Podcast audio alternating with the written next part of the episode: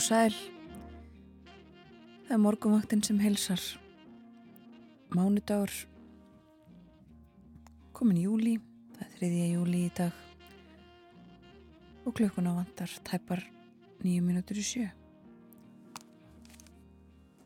Vera Eilóðdóttir og Þórun Elisabeth Bóadóttir sitja hér í hljóðstofu 6 í efstaleiti í Reykjavík og það gerum við til klukkan nýju. Og það er svo gott sem heiður heiminn í Reykjavík. Þennan morgunin fallett veður þegar við vorum á ferðinni snemma í morgun. Og skulum líta til veður svo sjá hvernig það var klukkan 6 hlýjast á landinu og höfni hórnafyrði og skulum byrja yfirferðina þar. Þar var 11 steg að hiti og 5 metrar á sekundu norðanáttin er komin eins og bóða hafi verið í síðustu viku að myndi gerast og breytingar verða í veðrinu. Það var nýjustega hitti og nýju metrar á sekundu á kvískerjum, sjöstega hitti og lokna á kirkibæjaklustri. Nýjustega hitti á Stórhauðaði vestmannegum og hægur vindur, sjöstega hitti í Árnesi, norðaustan nýju metrar á sekundu þar létt skíjað, eh, sjöstega hitti og 1 metri á sekundu í Reykjavík. Sjöstega hitti líka á Kvanneri, hægur vindur og eh, skíjað sjöstega hitti og 3 metrar á sekundu í Steikishólmi. Sjöstega hitti á Patræksfyrði og sjöstega hitti í Bólungavík. Sekstega hitti á Hólmavík klukkan 6 í morgun og fjögurastega hitti í Littlu Ávík þar var lítilsáttar súld. Sjústega hiti á Blöndósi og hægur vindur. Áttastega hiti á Akureyri. Skíjað og norðan þrýr metrar. Sekstega hiti á Húsavík og hægur vindur. Fjögurastega hiti á Rauvarhöfn. 6 metrar á sekundu þar.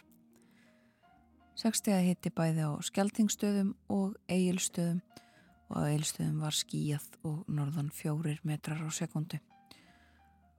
Og eh, á hálendinu einstega hitti í sandbúðum annars þryggjastega hitti á þeim veður aðtjóðan stöðum sem eru hér á korti. Þryggjastega hitti já. En þá er spurningin hvernig við erum á okkur í dag vera á kannski næstu daga líka. Það er spáð norð-östlæri átt 5 til 13 vetrum á sekundu í dag, kvassast um landið norð-vestanvert Dálítil rigning eða sult norðan og austan til en létt skíða mestu sunnan og vestanlands. Hitti 5-20 stiga deginum, svalast norðan til en hlýjast á söðurlandi. Og eh, á morgun heldur meiri úrkoma fyrir norðan og austan og ívið svalara. Það verða norðurlægar áttir næstu daga, skrifar eh, veðufræðingurinn í hugleðingum sínum. Væta með köplum og svalt í veðri norðan og austanlands en þurft og bjart að mestu sunnan og vestanlands og fremur hlýtt. Það kólnar á þriðu dag engum fyrir norðan og má búast við slittu eða jafnvel snjókomu á fjallvegum norðu austan til. Mikilvægt er fyrir ferðalanga á þeim slóðum að fylgjast með veðurspám og færð á vegum stendur á veðurstofunar.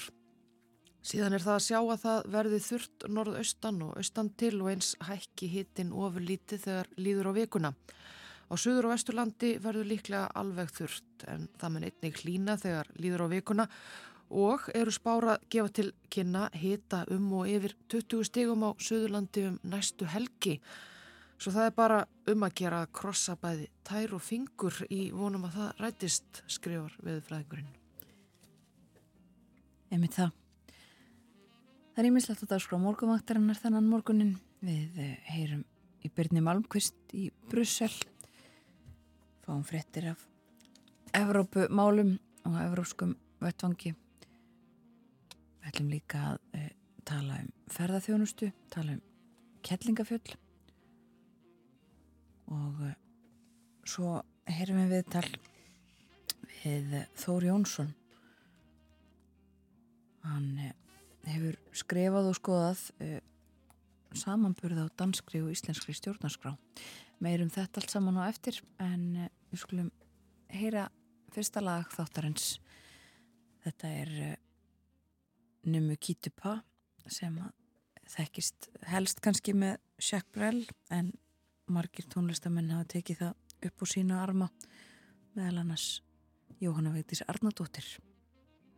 Ne me quitte pas Il faut oublier Tout peut s'oublier. Qui s'enfuit déjà? Oublier le temps des malentendus et le temps perdu à savoir comment.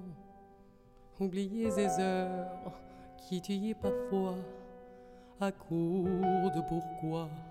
Le cœur du bonheur ne me quitte pas, ne me quitte pas, ne me quitte pas, ne me quitte pas.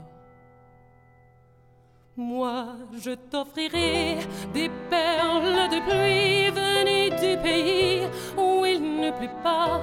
Je creuserai la terre jusqu'après ma mort pour couvrir ton corps d'or et de lumière. J'offrirai un domaine où l'amour sera roi, où l'amour sera loi, où tu seras reine. Ne me quitte pas, ne me quitte pas. Ne me quitte pas.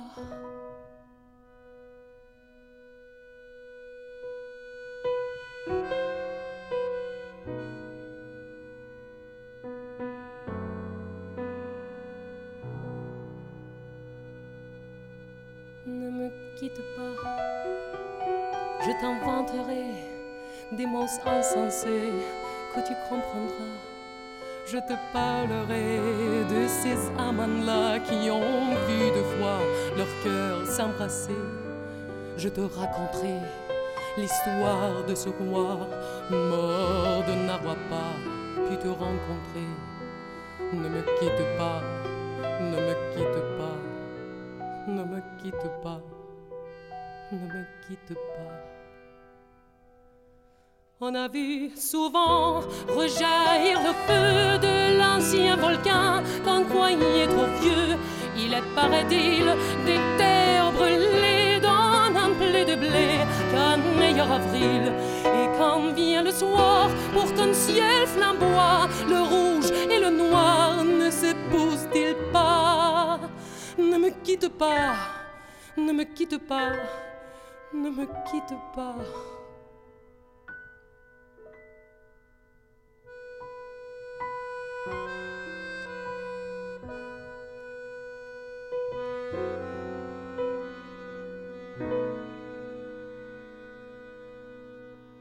Ne me quitte pas, je ne veux plus pleurer, je ne veux plus parler, je me cacherai là à te regarder, danser, sourire et à t'écouter, chanter et puis rire. Laisse-moi devenir l'ombre de ton ombre, l'ombre de ta main, l'ombre de ton chien. Ne me quitte pas, ne me quitte pas, ne me quitte pas, ne me quitte pas.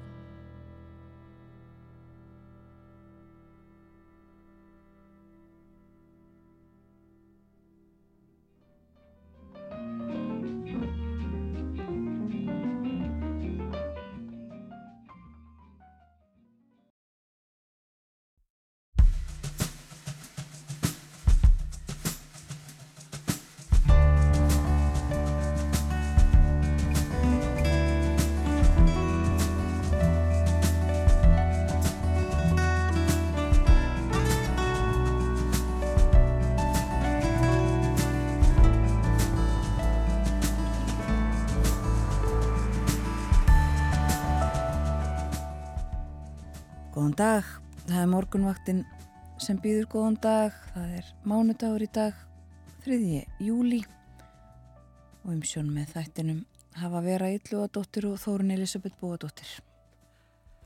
Evrópumál eru á dagskráð þáttarins upp úr hálf átta þegar Björn Malmqvist verður með okkur úr höfustöfum Allandsafsbandalagsins í Brussel.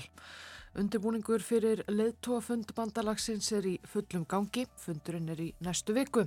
En í síðustu viku var leðtóafundur Evrópusambandsins þar sem tekist var á um ímislegt. Björn segir okkur nánar af því upp úr hálf átta. Og eftir frettinnar klokkan átta ætlum við að heyra viðtal við Þór Jónsson.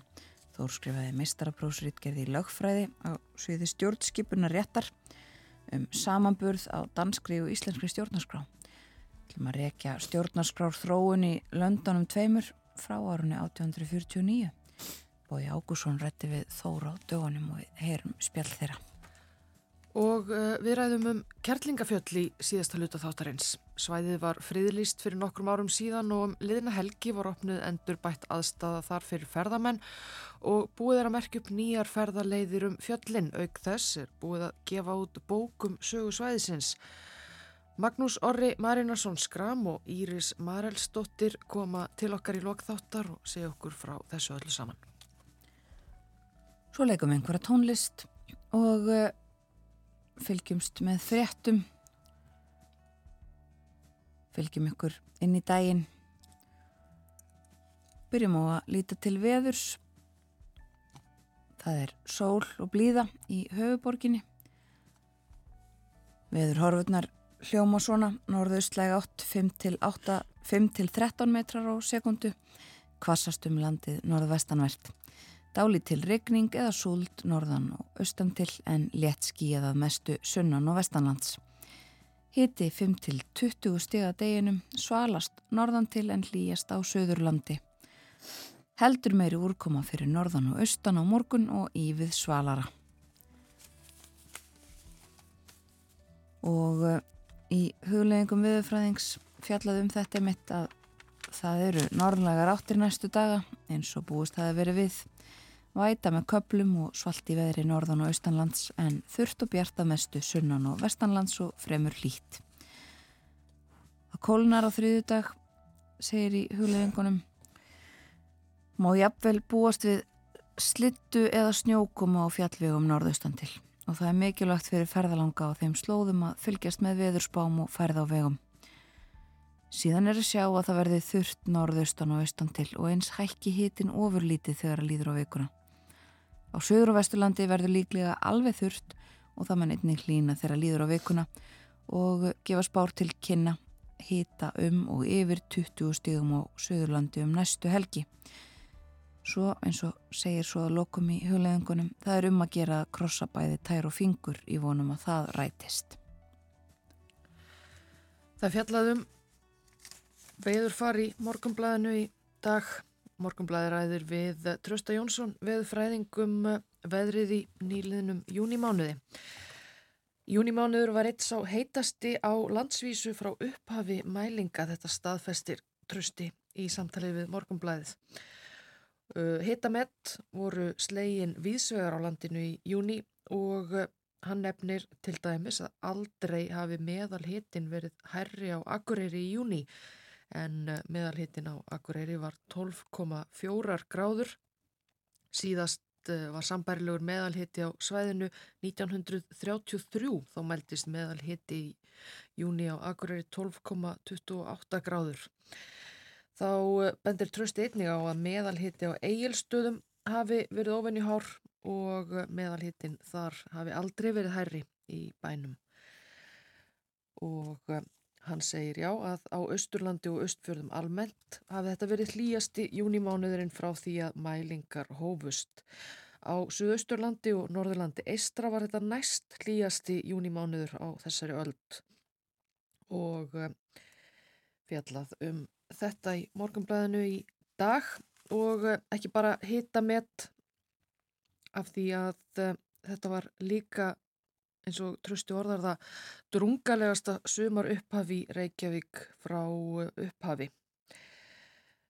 uh, og þar á hann við mæmánuð og júnimánuð saman lagða en ekki hafa mælst færri solskinstundir í Reykjavík í mánuðunum tveimur. Jáframt var úrkoma í Reykjavík tvöfalt meiri en meðal úrkoma í júni. Í Reykjavík var meðalhittin nummer 40 eitthvað í rauðinni, segir Trösti í morgunblæðin í dag. Hittin var nálægt meðalægi. Þetta er alveg á mörkunum að teljast hlýr mánuður í Reykjavík þrátt fyrir mikla rigningu og lítið solskinn. Það var alltaf myrkur á nóttunni þó það eigi að vera bjart. Drungalegur sumabyrjunni á höfuborgarsvæðinum trösti uh, setur þann varnagla á að endanlegi reikningar eigi eftir að berast frá veðurstofu Íslands en telur að þessar tölur muni standa. Bæði hita á drungamett slegin á landinu í nýliðnum júnimániði en ímislegt uh, fleira í morgumblaði dagsins auðvitað og uh, viðrar vel á forsýðunni. Veðrið leik við gesti og sölu aðila útimarkaðs Moskóa í Mosfellsdal. E, fyrsti opnunar dagur markaðsins var á lögadaginn og uh, stór mynd af honum rappa bara viðskipti sínist mér sem að eru að eiga sér stað uh, þegar Þegar þessi mynd var tekin, þessi markaður hefur verið opinn alla lögadaga í júli, ágúst og fram í september í rúm 20 ár og á því verður engin undantekning nú í ár. Fastakúnar litur sér ekki vanda fyrsta uh, daginn enda á markanum að finna úrvalsgrænmeti, ferskan fisk og tilbúna rétti frá hinnum ymsu heimshornum sem gott er að gæða sér á eins og segir í myndateksta morgunblæsins. Annars er uh, Fórsýðu frétt af eh, reglugerðum gæði eldsneitis, upplýsingagjöf til neytenda minguð er fyrirsögnin.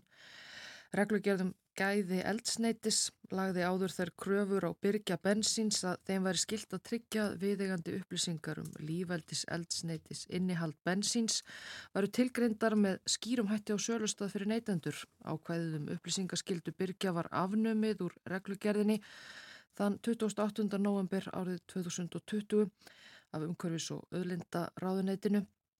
Jáfnframt var öðru ákvæði í reglugerðinni breytt þannig að skilda byrja um að tilgreina upplýsingar um lífældis eldsneiti á sölustad var afnuminn. Eins og greint hefur verið frá skoðar neytendastofa upplýsingagjöf oljufélagana til almennings vegna breytinga á bensinblöndu snemma í vor. Það var hafinn sala á E10 blöndu af 95 oktana bensinni í stað E5 blöndu sem hafi áður verið á markaði en almenni neytendur vissu ekki af breytingunni á elsneitinu. Rætt í morgunblæðinu við Runolf Ólafsson, framkvæmdastjóri í félags íslenskra bifræði eiganda. Þar uh, hafi menn ekki orðið vart við breytingar á reglugerðinu á sínum tíma. Við óskuðum eftir skýringu frá ráðuneytinu og þeir báru fyrir sig regluverkið en bentu á að krafa varðandi merkingar væri bundin í annað regluverk og lög sem tengjast neytendastofu. Það er enn skilirt að merkja hvað sé verið að selja, segir Runolfur. Fjallaðum þetta á fórsið morgunblassins í dag. Og við skulum líti út í heim eftir smástund en fyrst heyra svo litla tónlist. David Bowie og Siggy Stardust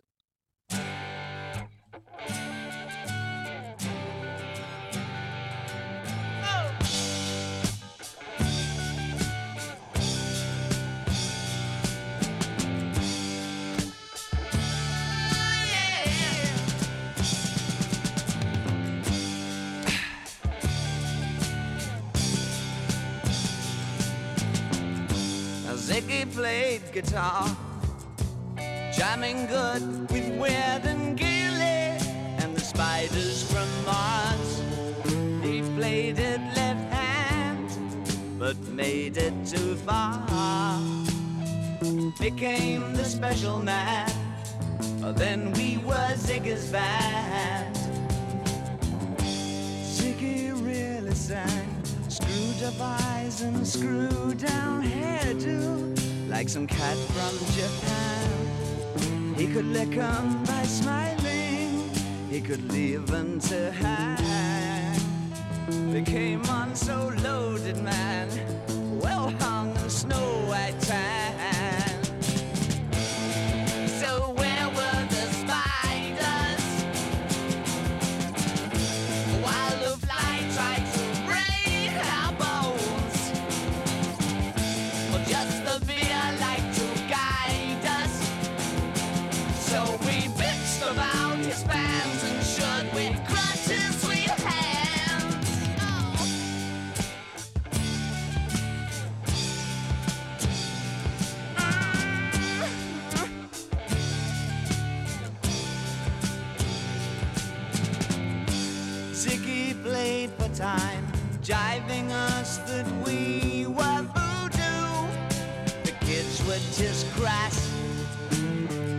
Was the Nas with God-given ass.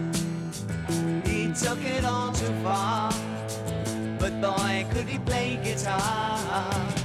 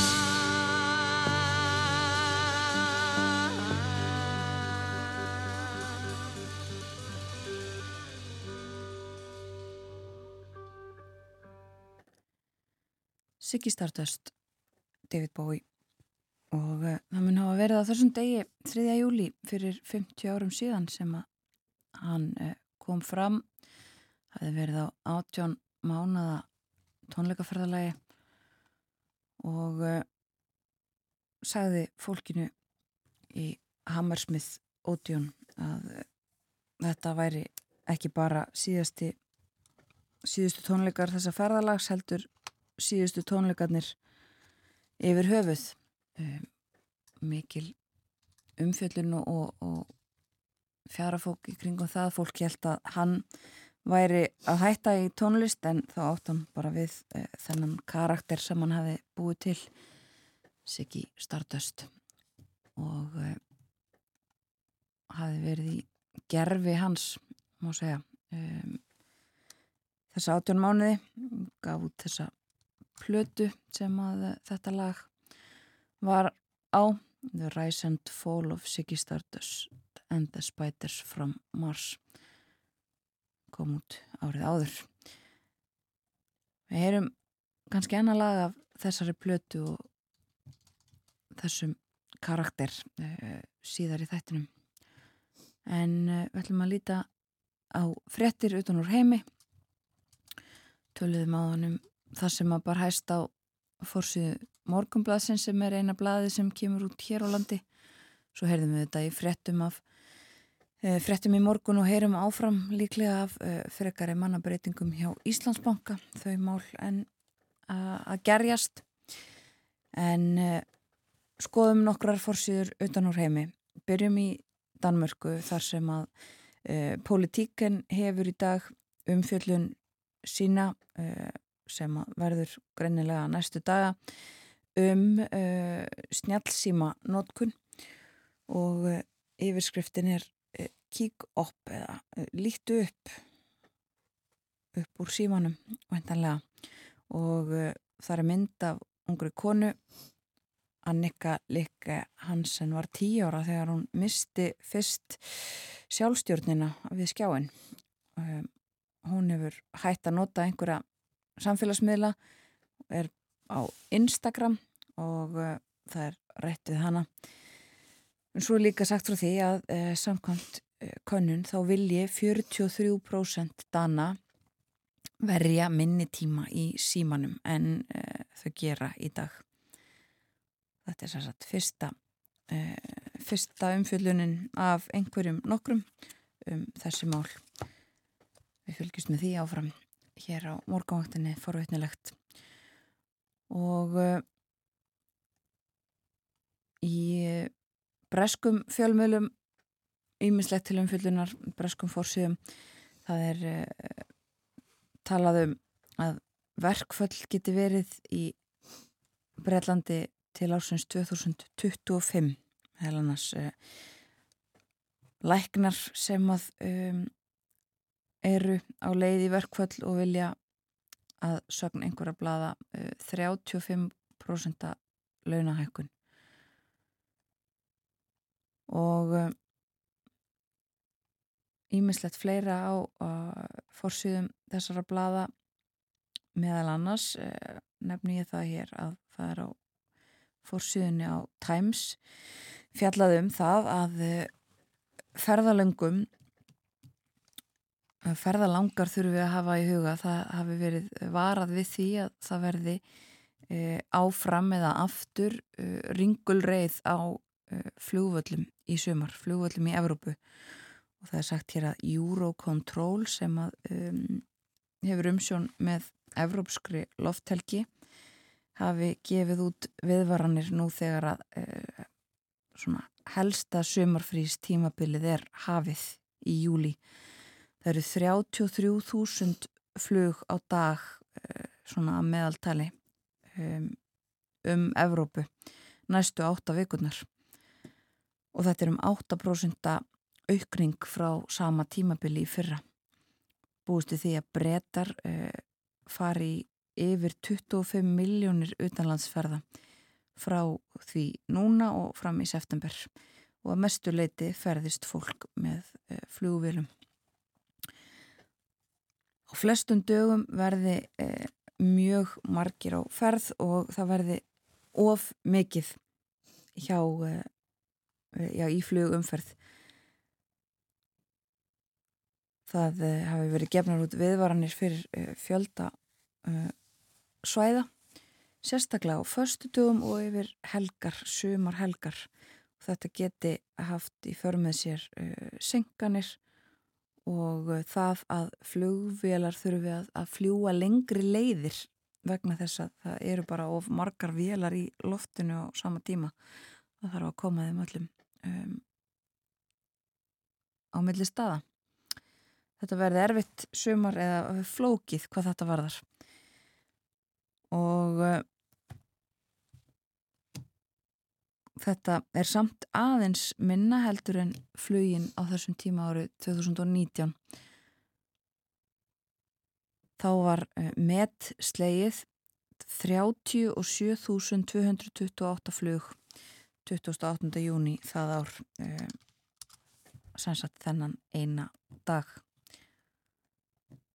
það eru 102 flug sem að fara frá keflauguflugli í dag svo það sé nefnt En já, uh, svo eru þetta fjallað í fjölmjölum uh, víða uh, um þessi mótmæli í Fraklandi sem að verðast hafa eða vera í, í rénun allavega svona hvað var þar skemdarverk og slíkt. Tefnilega 50 manns handekinn í gerðkvöld og í nótt samanbúrið við mörg hundruð síðustu kvöld. Og mótmælinn hófustu auðvitað eins og hlustendur þekkja þegar að ungur piltur var skotin til bana af lauruglunni Amma drengsins hefur tjáð sér nú í franskum fjölmjölum og sagt að já, það sé verið að nota e, dauða hans sem afsökun fyrir skemdaverkum það sé ekki það sem að fjölskyldan vilji. Og svo eru e, umfjallanir um e, árásir Ísraels hers núna á palestínumenn á vesturbokkanum um, sagt frá því að það sé þetta sé stærsta hernaðar aðgerð í Ísrael í, á Vestubankanum í Vestubakkanum í uh, mörg ár. Uh, bæði loftárásir og uh, á jörðu niðri hermenn þetta er í Jenín og að minnstakosti fjórir palestínumenn látnir og 28 slasast Þetta hófst klukkan um það byrj eitt að nóttu til og uh, sagt að líklegt sé að, fjöldi látina uh, fari hekkandi. Meirum þetta síðar. Um, við fylgjumst með því sem þarna er að eiga sér stað. En uh, það líður að yfirliti morgunfjörta við fáum það á sleginu halv 8 að því loknu ræðum við við Björn Malmqvist um fleiri erlend málefni. Við skulum heyra annar lag eins og búað var af uh, plötunni Siggy Stardust Rise and Fall of Siggy Stardust and the Spiders of Mars eins og hún heitir í úfullu nafni. Heyrðum á þann titilægið uh, lægið uh, Siggy Stardust og nú skulum við heyra Starman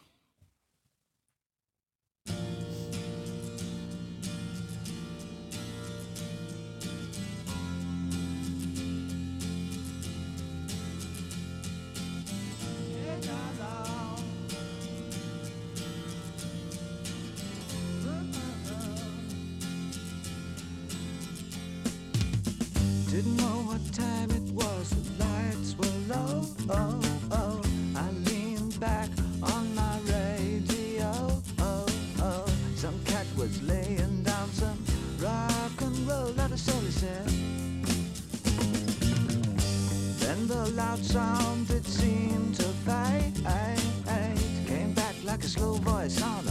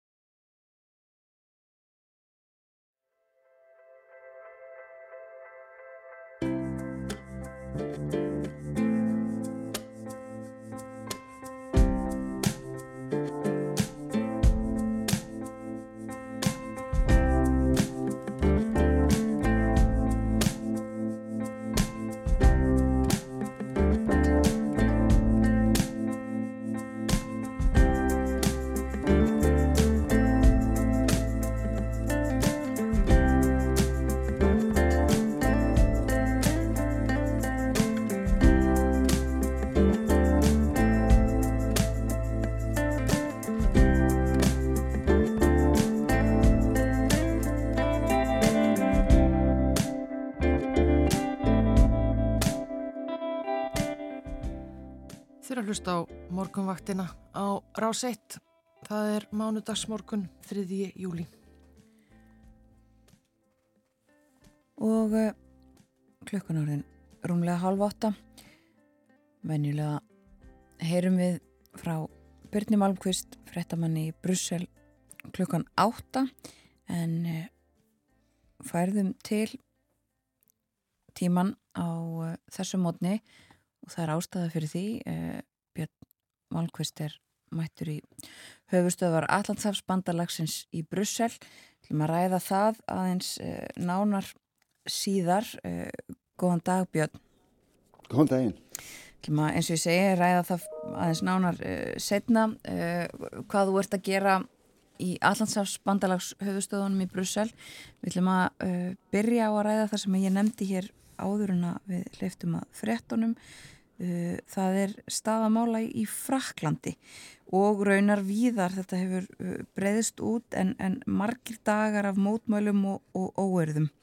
Uh, og byrja á bara hvar þetta stendur allt saman akkurat núna Já, sko, þetta er náttúrulega búið að vera hvað, sex daga núna á mótmælum síðan að þessi ungi maður var, var skotindi bana af löguröku í, í Nanterre sem er útkverfið Parísar mm. um, það er svona manni heyrist á fréttum eins og kom fram líka í fréttæfilitinu hjá ykkur núna klukkan halv åtta það eru talsvert færri handtökur uh, voru í nótt allavega. Uh, Le Monde sagði í morgun að það hefði eitthvað á annað hundra manns verið handteknir viða, viða um Frakland en, en engin stór uh, hvað við segja engar stór, engin stórir atbyrðir hafi verið þarna e, neinstar e, meira svona, svona almennar óverðir og átökuð laurugluna en um, ekkert, ekkert stort hafi gæst í nótt. Þannig að það, kannski, kannski virðist ég veit ekki, kannski virðist eitthvað verið að draga úr þessu, það er náttúrulega komin vinnuveika mm -hmm. uh, það er náttúrulega helgi um helginu og hérna en það er alveg ljóst að það er sko viðvarandi óanægja, ósætti og lítil samhældni í fransku samfélagi það kemur berlega í ljós þegar svona gerist og náttúrulega það eru mjög margi sem að munna eftir óverðunum 2005 sem að, sem að hófust svona af svipuðu tilefni þegar hérna, ungir menn voru, voru, hérna, voru skotnir. Einmitt. Eh, þannig að það er, það er svona undirliggjandi vandamál virðast manni í fransku samfélagi sem að, sem að, sem að svona drífa svona uppákomur áfram að hluta til er þetta náttúrulega kannski líka þú veist eh, sumum mönnum finnst gaman að slást við lögguna og allt það sko og brjóta hús og, og bíla og rúður og, og ræna vestlanur og allt það en, en ég, ég held að svona stóra bylgjan í þessu sé þessi undirlikjandi óna í fransku samfélagi sem að stafar af mjög mörgu, stöðu innflytjanda, stöðu minnluta hópa, uh, eh, stýpni franska ríkisins við að koma til móts við þeirra kröfur, langanir og sjónamið og, og hérna, það er svona mjög margt sem spilar inn í þetta. Svo er líka pólitikinn í Fraklandi, hún er svolítið, er svolítið verið að þvælast fyrir vinstri, menn hafa verið gaggrindir fyrir að fordama ekki uh, sagt, uh, þessar óerðir og þetta áðbeldi.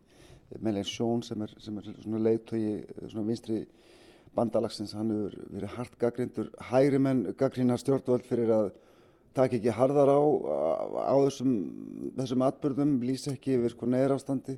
Eh, Makrón held ég að svona, eh, Emmanuel Macron fórsetið Fraklands, hann reynir held ég í leng, svo lengstu lög að komast hjá því að lýsa yfir neðra ástandi. Það, það væri svona til þess að veist, viðkjanna hvað, hversu, hversu, hversu vandamálið er alvarlegt. Já. Hann hins vegar þetta var auðvitað það slemt á fórstæðdægin að hann lit sér hverfa af, af leituafundi hér í Brussel að þess að halda blagamannæðafundi en eitt og, og, og, og flög beint til Parísir til að, að halda næðafundi í, í sinni ríkistjórn. Þannig að þetta er búið að vera mjög alvarlegt mál en allavega svona eftir nóttina í nótt þá kannski virðist manni eins og það sé eitthvað að draga úr þessu. Já og einmitt greint frá því líka Makrón allir að funda með uh, leðtóum Ég hef ekki delta þingsins í dag og svo ætla hann að tala við alla uh, bæjar og borgarstjóra á þessum stöðum þar sem að skemdarverk hafa verið unnin og, og mótmæli líka, má nefna það, en þetta er auðvitað mjög víða í Fraklandi og uh, er ekki rétt sem er líka þetta hefur eitthvað uh, smittast lengra og er ekki einhverjir að mótmæla í Brussel líka? Jú, það voru um, um það byrju hundra manns uh, handeknir hér í Brussel. Já um helgina uh, til dæmis í gerðkvöldi uh, það, var, voru óerðir, ja, óerðir slagsmál og, og svona læti ekkert stór alvarlegt samt uh, hérna í miðbænum mm. um, aðeins svona aðeins norður á miðbænum í kringum Gardu Nord uh, sem er svona kannski frekar eða segja erfitt hverfi í Brussel uh, en, en það verður ekki mikið meira bórið á þessu þetta verður líka eitthvað smittast yfir, yfir, yfir, yfir í Sviss sá ég einhverja fréttir en, um, en að öðru leiti er þetta náttúrulega bundið við eins og þú segir Frakland mm -hmm. og stórar borgir í Fraklandi, Paris, Marseille, Lyon uh, þetta var líka í Lies, Lies reyndar í, hérna, í Belgíu en líka í Lille og, og hérna Toulouse. Þannig að þetta, þetta er svona verið út um allt í Fraklandi mm, en þó aðalega kannski bundið við svona starri, starri borgir. Mm. eins og er þá hafa sko bæjastjórar og borgastjórar uh, þeir voru náttúrulega mjög sjokkaraðar eftir þessi árás sem var gerð á heimili borgastjórans í litlum bæ suður af París um helgina þar sem að eiginkona hans og tvö börn flúðu út uh, og, og hérna eftir að óreðsækir sendu brennandi bílin á loðuna ætlaði að kveikja á húsinu hjá hann það var svona kannski svolítið svona hápunkturinn í því held ég mögulega að svona bylgjan fór að svona reyna og svona almenningsáletið fór að snúast á sveif með, eða í rauninni gegn, gegn sko, gegn þessum, þessum óverðum, þessum mótmælum. Já, svo árásverið eh, fordæmt mjög víða, þó að einmitt ekki kannski hafa verið tekið á, alveg á, á öðrum þáttum þessara Nei, mótmæla. En það er náttúrulega líka langtíma verkefni í Fraklandi og hefur náttúrulega verið í mörg ára að reyna að svona, reyna að bæta ástand minnlutahópa, bæta ástand þeirra sem að minnst mega sín í samfélaginu það sem að þetta sprettur í rauninni. Sko. Mm -hmm. En þú myndist uh, hérna rétt áðan á leðtóafund Európusambandsins sem var uh, haldinn fyrir helgi og uh, segðu aðeins frá honum, það var tekist á um málefni inflytjanda, ekki satt?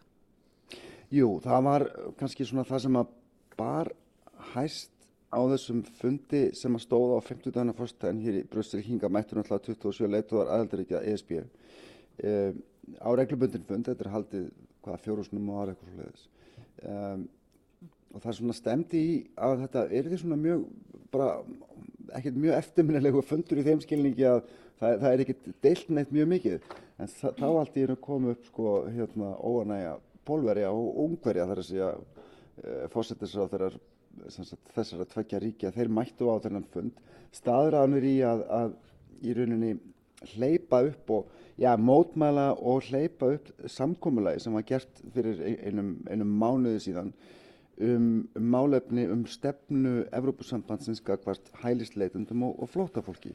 Það voru sem sagt dónsmálaráþurar og innaríkisáþurar aðeldaríkjana sem komu saman í Luxemburg í, í byrjun júni og þeir fjallust á að, að það þeir fjallust á í rauninni tillögu sem að, sem að gekk út á nýtt fyrirkomulag sem að, sem að inni heldur til dæmis uh, það sem að hefur verið kallað hér skildubundin samstæða þar að segja að öll ríki þau verða að taka þátt í að, að þessi taka á móti og, og hérna og fara með sérst flóttamál, sérst fólk og, og hælisleitendur. En að söm ríki geti sérst í rauninni borgað sig frá því það er að segja að þú veist, ef þú vilt ekki taka á móti flótafólki þá þarf það að borga sko um það byrj 1,5 miljón króna í, í sameiginlegan sjóð sem að þá fer í verkefni af þessu tægi í, í öðrum ríkjum mm.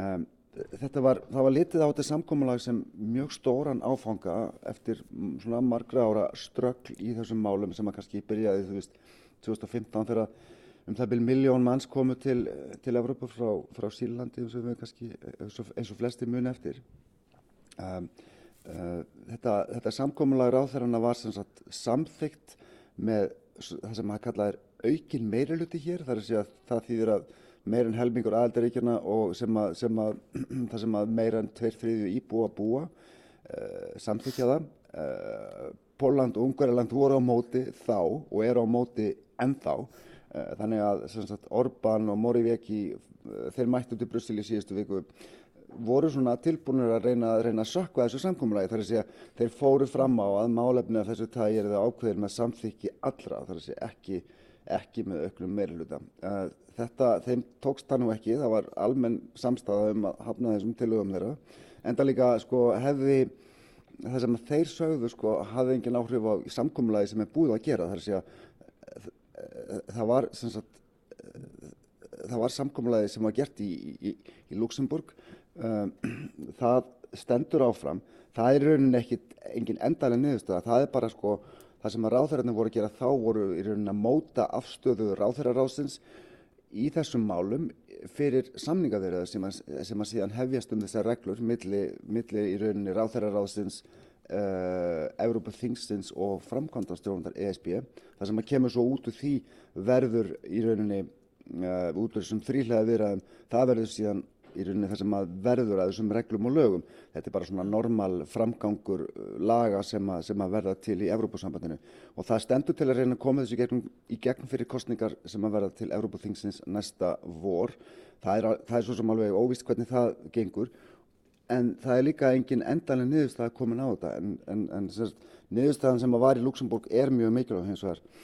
Það sem að gerist annað á þessum leittóafundi var í rauninni, það var mjög mikil samstæða um Úkrænu, það var bara mjög fín samstæða og hefur verið viðvarandi, eh, sem sagt ríkinn hafa verið mjög samstíga í stöðningi sínum gagvart Úkrænu, þannig að það var eh, svona, það var ekki deilt um það en það voru hins vegar þessi málefni flótafólks sem að, sem að hérna, sem að svolítið sprengt upp fundin og, og gerðan lengri heldur en hann var og, og hann leittu líka til þess að það var engin samíli yfirlýsing um flótamál Eh, eh, sendt út eftir fundin út af pólverjum og ungverjum. Og talandu um uh, emitt pólverju og ungverja, sko við erum að uh, svíjar voru að ljúka sinni formensku í uh, leðtóaráðinu, við tölu, höfum talað um, um þessi mál, hvað mm. það eru spánverjar sem taka við er það ekki en, en svo emitt fara fer að koma að ungverjum og pólverjum sem eins og þú nefndir sjálfur áðan leðtóar þeirra ríkja stundum, ekki bara á þessum fundi síðustu viku, staðaráðunir í því að hleypa hlutunum svolítið í loftu upp?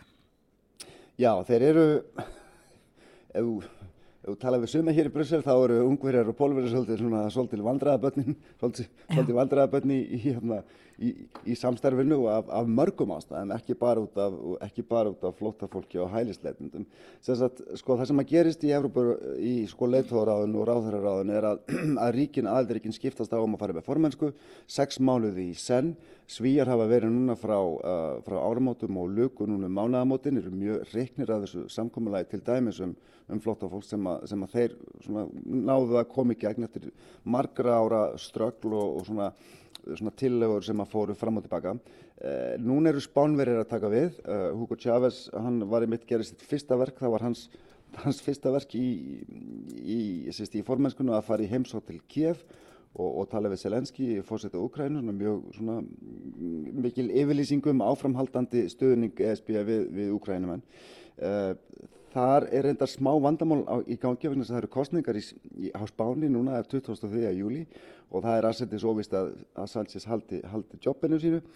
Það kemur reyndar allt í ljós en, en hérna en sko síðan taka belgar við um áramótin og um mitt næsta ár þá er komið að ungverjum og svo er komið að pólverjum og þannig að þeir tveir sko verða með formensku í Evrópurraðinu uh, í ár uh, samanlagt. Hlutverkið, hlutverk sko formenskuríkisins er svolítið að vera sem sko í rauninni fulltrúi allra hinnaríkjana í samningavirðan við Evrópuþingið, í samningavirðan við, við, við, við framkvæmdastjórnina um nýja reglur og, og ný lög. Eh, það er svona þannig sem að lagasetningaferðli gengur fyrir sig í, í, í, sko, í Európa-sambandinu og það er litið á að, að að formensku ríki sé svona, svona, svona heiðalegur fulltrúi allra annara aðeldaríkja uh, þegar þau er í formensku. Sko, það eru nú þegar komnur upp rættir um að þetta muni ekki ganga vel upp að hafa ungveri og pólveri í formenskunni vegna þess að báðar þessar þjóður hafa átt í langvarandi deilum við Evropasambandið, við, við frænkvæmtastjórnuna um til dæmis um réttaríki, pólverjar hafa, hafa til dæmis gert uh, mikið af því að sko að breyta fyrirkomulagi réttaríkisins í Pólandi, skipun, dómara, alls konar svona mál sem að, sem að hafa verið mjög umdelt og þeir hafa reynda verið reknað tilbaka með af Európa-dómstólunum. Um, Ungverjar hafa verið gaggrindir fyrir til dæmis að leggja undir sig alla fjölmiðla í landinu þar að segja stjórnvöld þar hafi lagt undir sig alla fjölmiðla í landinu og gert, gert stjórnaranstöðunum í erfitt um vik. Eh, þetta hefur leitt til þess að ESB hefur haldið tilbaka stórum fjármunum til dæmis endur, endur byggingar eh, sjóðum sem að voru settar á leikjarnir eftir COVID sem að pólverjar og ungverjar hafi ekki fengið og Evrópar þingið sjálft, Evropaþingið, er bara nýbúð að samþykja álöktunum um að, að, að það sé, það, það verði mjög bara mikil vandamál tengt því að hafa þessar tvær þjóður í formensku. Það, það var samþykt um, um síðustu mánuðamátt með stórum meiriluta í Evropaþinginu.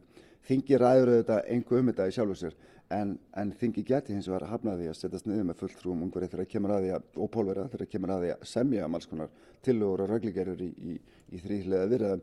þetta er náttúrulega, þetta væri mjög stór ákverðan og það er bara allsendis óvist að þetta fá einhver kljómgrunn en þetta segir svolítið til um það hvernig, hvernig ásýnd Pólverja og Ungverja er hér í Brussel og, og svona þegar kemur að veist, samstöðu og samvinnu innan Európa-samhansins. Já, við uh, fylgjumst áfram með þessu og þú segir okkur uh, fyrir ekkari fræknir að því en uh, að öðru við myndust á það hérna í upphafi að þú ert stattur í höfustöfum Allandsafsbandalagsins uh, hvað ert að vilja þar í morgunsárið? sko, ég, hérna, ég kem nú stundum hingað til þess að til þess að vinna bara því hér er svo góð vinnuaðstæða og mikið næði því það koma fáir hingað Eh, nema þegar það eru stóri fundir og eins og ráðhverjafundir eða eitthvað álíka. Hins vegar ákvaði ég að koma í dag vegna að það er fyrirlestur sem að, sem að, sem að formaður herráðsins er með, það er eh, hollenskur aðmiral sem heitir Rob Bauer, hann kom nú reynda til Íslands á síðast ári. Hann er að fara að tala um samþættingu herabla aðeldaríkjana hjá NATO, þetta er orðið mjög stórt þema núna í, í kjölfar innrásar rúsa. Uh, og svo náttúrulega sko leituafundurinn þannig að í næstu viku í Vilnius í Litáin þannig að maður er svona að reyna svolítið að afla sér upplýsinga og tala við, tala við fólk sem maður svona þekkir til hér. Eh, sko leituafundurinn í Vilnius er náttúrulega árlega haldin árlega allir leituar aðeldaríkjana 30 og, og eitt núna áriðið með Finnlandi. Það er búist við því að þeir mæti þar og svona fari yfir uh, stórum álinn í, í, í svona starfi NATO og það er Til dæmis búist við því að leiftofarnir fari yfir og samþykki svona heildræna varnar á allur fyrir bandalæðið sem að verður endar í fyrsta skipti sem að það verður gert síðan að, að, að kaldastriðinu laug.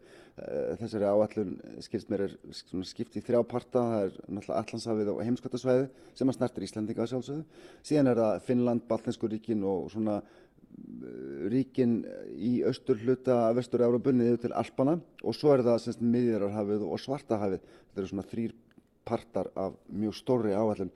Áherslan er náttúrulega á ógnuna sem er talin stafa af rúsum, af rúsum uh, sem er náttúrulega augljóst og það sést á æfingum sem hafa verið haldnar að undarförnu hjá á vegum NATO, ekki síst í Baltnesku ríkjónum og Pólandi, þar sem þessar æfingar hafa gengið út að, að æfa fluttninga á hergögnum og herabla til þessara ríkja til að breyðast við mögulegri ógn. Þarna, þarna eru reyndar frekar nú þegar, frekar litlar hertildir frá Breitlandi, Kanada, Þískalandi og Bandaríkjónum en það hefur verið að bæta í þetta herlið og einmitt verið að svona æfa hvernig á að eh, breyðast fljótt við ef eitthvað gerist. Það, en Svo er náttúrulega, já. Hvað með Úkrænu? Já, sko, það er náttúrulega stóra málið, stóra svona, stóra pólitíska málið á áleiðtúafundunum í, í næstu viku. Það stjórnvöldi Kiev hafa nefnilega verið að setja mjög mikla pressu á aðeldaríkja NATO og þau vilja í rauninni skýran vegvísi og í rauninni skuldbindingu bandalagsins um að Úkræna verði hluti af NATO eftir innrás rúsa. Það er þessi eftir innrás rúsa, það er eftir að átökum líkur. Uh, mörg bandalagsríki segja, til dæmis Þískaland segja að þetta sé tomt mála að tala um þetta núna, akkurat núna það sé ekki tímabært að taka svona ákverðun uh, fyrir en að, að átökunum líkur. Úkrænumenn segja bara við þurfum að, við þurfum að hafa fullvissu um það að, að það sé til staðar skuldbinding og það sé til staðar vegvísir um að við verðum hluti af NATO annars sé tóntmál að tala um að, um að hamla gegn sagt, áreitni og og, og ásetningi rúsa um að, um að leggja undir sig já, eða ráðast inn í önnur ríki í vestur-Európu. Uh, þetta sagði Dimitro Kuleba, hann er útrækisvæð þar á Úkræðinu og hann var í viðtali um helgina í, í tískablaðinu Bild. Hann sagði að einganga Úkræðinu væri í raun eina leiðin til að koma í veg fyrir það sem maður mætti kalla átróðning rúsa í, í vesturluti Európu. Þetta verður stort þema. Selenski hefur nú þegar sagt að já, hann allavega leta hafa eftir sér úr um daginn að það væri tóntmál að tala um að hann kemur til, til, til Vilnius nema, nema það myndi eitthvað svona liggja fyrir. Það er viljið til þess víða innan bandalagsins meðal annars með hjá baltinsku ríkjónum, hjá ríkjónum í östuluta Európu. Um, það er svona minni, kannski minni áhug á því svona, svona vestan til og í bandaríkjónum. Enda líka að vita með það að þú veist ef að Úkræna er komin inn í NATO og þá náttúrulega gildir, þú veist, hérna, þá gildir reglanum að um, um, veist, um eitt fyrir alla og alla fyrir einn og, og, og, og það veist, er menn kannski híkandi við að, að, að, að það skrefur er menn kannski híkandi við að taka akkurat núna hvað svo sem síðan verður.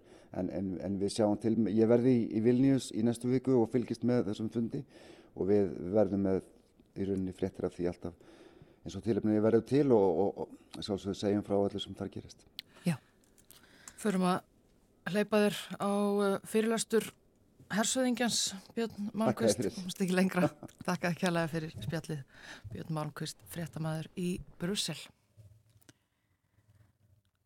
Og við förum svo að hleypa fréttastofunni að morgum fréttir klukkan átta næstar á dagskrá morgumvaktarinnar að þeim loknum ætlum við að ræðum stjórnarskrármál íslensk og dönsk. Fyrir mig Þóri Jónssoni Bói Ágússon frettamæður og stundum stjórnandi en alltaf uh, umsunamaður heimsklökan sér á morgunvaktinni. Uh, hitti hann á dögunum og rætti við. Og við viljum að fá að heyra spjall þeirra. Og svo í síðasta hluta þáttarins þá ætlum við að forveitnast um uppbygginguna í Kerlingafjöllum. Þar var uh, opnaðum helgina á nýjanleik um, eftir svolítinn tíma og miklar umbætur. Það er búið að byggja þannig að bæta við húsum merkja nýjar gungulegðir þá er verið ekki út bók og eh, fleira var hægt að týna til.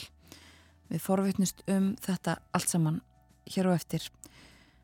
Koma til okkar þau Íris Marelsdóttir og Magnús Orri Marinarsson Skram og ræða þetta, segja okkur frá en eh, næst frettinnar frá frettastofunni.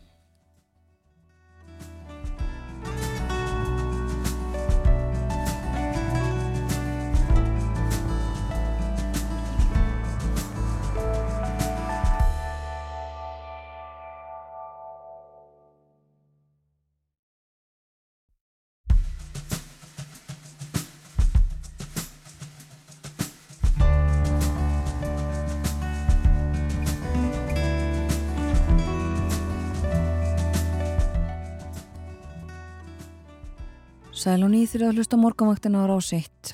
Klukkan tæpar 6 minútur gengin í nýju þennan mánudags morgun. Það er komin 3. júli. Við rættum við Björn Malmqvist, frettamann hér fyrir frettinnar og eh, hann verður á sínum hefðbundnastað núna eftir áttafrettinnar. Í næstu viku þá verður hann væntanlega komin til Vilnius þar sem hann mun fylgjast með leðtóafundi Allandsafsbandalagsríkjana. Við viljum vegar núna að heyra viðtal sem bói Ágússon fréttamaður átti við Þór Jónsson, sviðstjóra hjá Norrannir áþráðanemdini um stjórnarskrármál. Leipum þeim boga og Þór að. Þór Jónsson, sviðstjóri hjá Norrænu ráþæranemdini í Kaupmannahöfn er lögfræðingur og hefur nýlokið mistra rýtgerð sem er samanburður á dönsku og íslensku stjórnarskráni og það hefur nú oft þór verið látið að því líkja að eh, íslenska stjórnarskráin sé meir og minna sama plagg og svo danska og svo danska sé frá 1849 eh, hver eru þín viðbröð við svona yfirlýsingum? Ég held ég vilji gera orð skúla Magnússonar nú umbóðsmanns alþingisa mínum þar sem hann sagði að íslensk stjórnarskrá væri ekki frekar dönsk en SS-pilsur kemur frá Vín. Já. Og um, það byggi ég nú á því að það eru, uh, það eru tölveru munur, en svo má líka spyrja sig, er svo danska dönsk?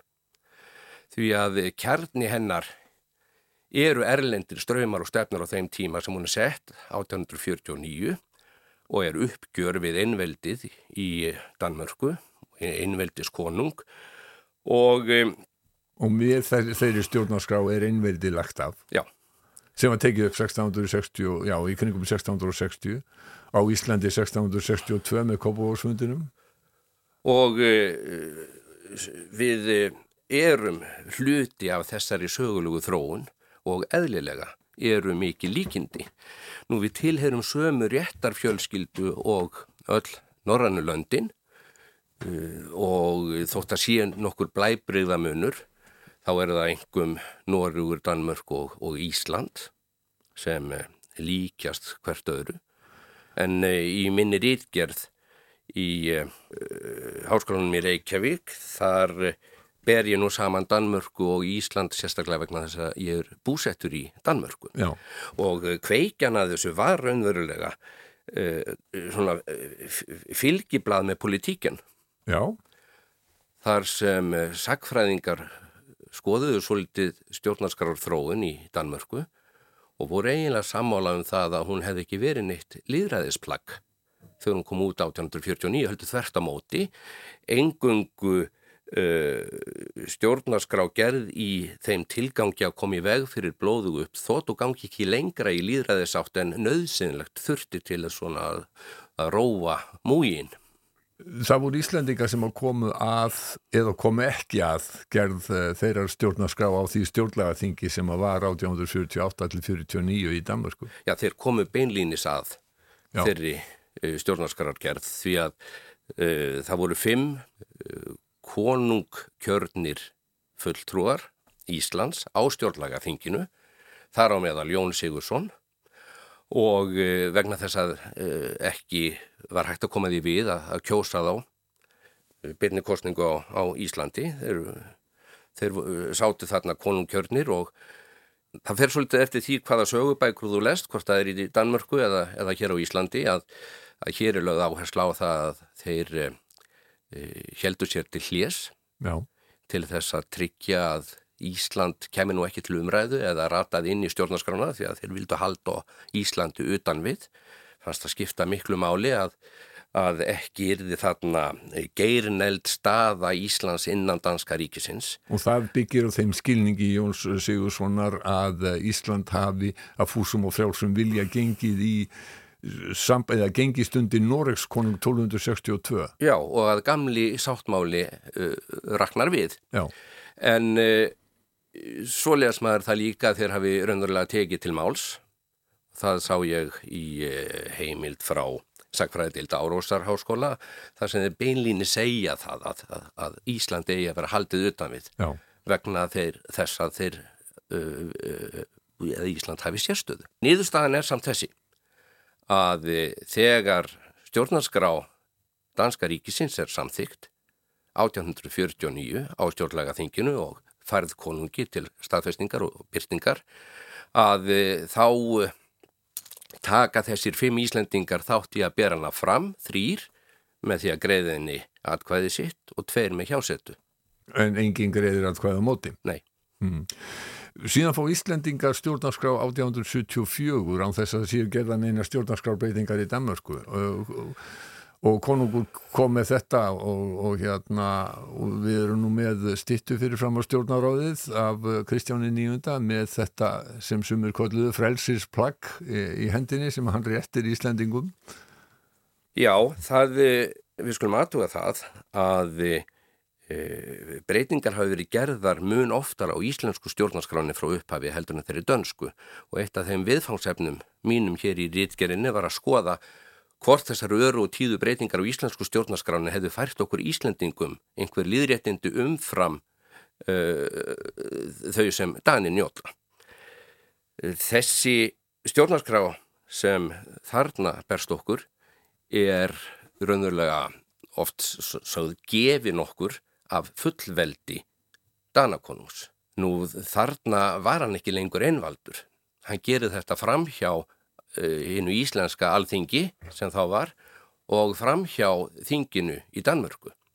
Þannig að uh, það hefur meira sér verið bent á að við höfum búið við einveldi konungs lengur en Danir mm -hmm. þess vegna. Já. Og uh, í þeirri stjórnaskrá er hveðið á um sérstök málefni Íslands. Þannig að það eru ímis málefni sem eru færið þarna í hendur þinginu, þingið er, er styrt og um, sumir á þeim tíma álítu að það kannski er ekki lengra gengið. Það var Mattia Sjókumsson sem talaði um frelsisgrá. Í föðurhendi. Í föðurhendi mm. og þarna er, er þessi styrta og þetta er merkilegur áfangi í átt að sjálfstæði mm. Íslands. Og svo koma fleiri áfangar, það er heimarstjórnin 1904 og svo náttúrulega stóra skrefið 1918 með eh, sambandslögunum þegar að Ísland verður sjálfstætt og fullvalda ríki. En það kallaði ekki á stjórnarskrárbreytingar. Það e, kemur þá alveg ný stjórnarskrá og hún tekur gildi 1920. Já og e, við skulum nú aðtuga það að e, það kostningarétti kvenna er til dæmis fagnað 1915 og e, raunverulega fá konur ekki jafnan rétt til að kjósa á við Karla fyrir en með sambandslögunum vegna þess að þar stóðu danir okkur framar.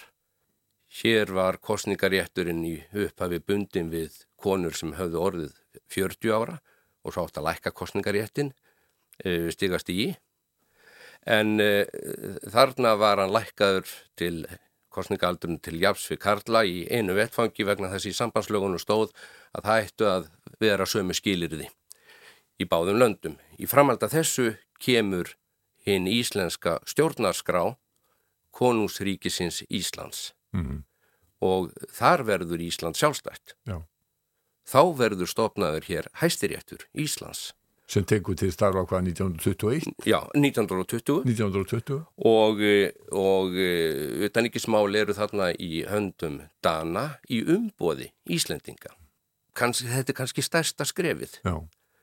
sem stýðið er í átt til sjálfstæðis breytingarna 1944 því hefur oft verið haldið á lofti að þá hafi ekki breyst annað eh, en að eh, í íslensku stjórnarskráni heldur en að eh, í stað konungs hafi komið orðið fórseti.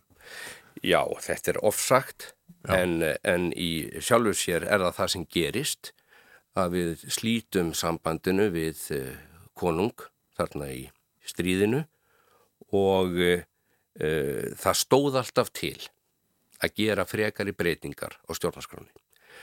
Nú skulum við líka aðtuga það að henni var breytt með afbríðum. Það var gengið raunverulega fram hjá uh, þeirri reglu stjórnarskrárinnar að samþykjana á tveimur þingum heldur er það gert á með kostningu á milli. Það er gert með samþykji einstings og svo með þjóðaratkvæðagreðslu.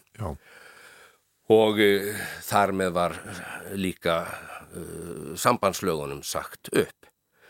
En um, ef maður svo lítur á stjórnarskrána íslensku og stjórnarskrána þá dönsku að þá er forsetta með þeirri íslensku færð völd í hendur sem danski konungurinn hefur ekki.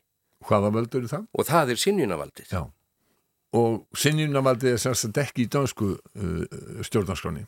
það var í dönsku stjórnarskráni tólka þannig að uh, konungur gæti sinjað lögum staðfestingar uh, á grundvelli neikvæðrar reglu því að í þeirri dönsku stendur einfallega að konungur eigi að staðfesta lög með undirritun sinni og svo er spurning sko hvað gerist ef hann gerir það ekki. Mm -hmm.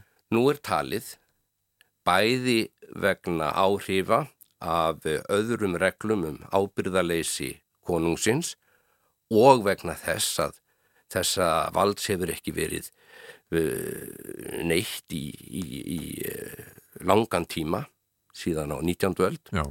að þetta vald sé döður bókstafur eða minnstakosti ekki fyrir hendi og það er sammæli um það í Danmörku. Já.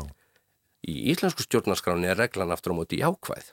Það stendur beinlinis að forsiti þóttan sé ábyrðalösa af stjórnaratögnum geti skotið málum í dóm þjóðarinnar. Mm.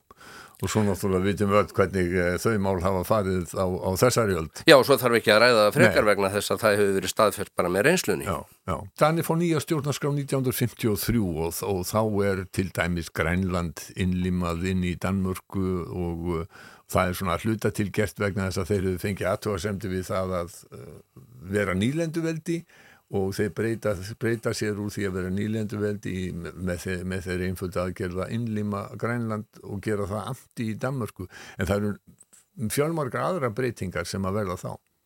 Já og uh, uh, samkvæmt fræðiskrifum í Danmörku þá er nú talið að, að heimastjórnir uh, færiða og Grænlands séu ekki fullu samræmi við danska stjórnarskrá en það láti gott heita enn og aftur komum við að þessu samræmi, já, að það skipti ekki öllu máli já. hvað standi í tekstanum ef við bara lesa það á sama hátt. Og skilja það á sama, það á sama hátt. og enginn reyfið mótmælum. Já, já. En, en það var auðvitað fjölmert annað sem þarna uh, kemur inn í stjórnarskrá Að sömuleiti má segja að hún sé nútímalegri en svo íslenska og aður leiti ekki. Mm. Og þá er ég fyrst og fremst að hugsa um mannréttindakabla í íslensku stjórnarskaranar sem er gríðarstór áfangi sem ráðist var í þegar, þegar stjórnarskarán var uppfært. Og við skulum alls ekki gera lítið úr því þegar við erum að tala um íslenska stjórnarskrá. Hún stendur þar framar þeirri dönsku en hvað gera Danir?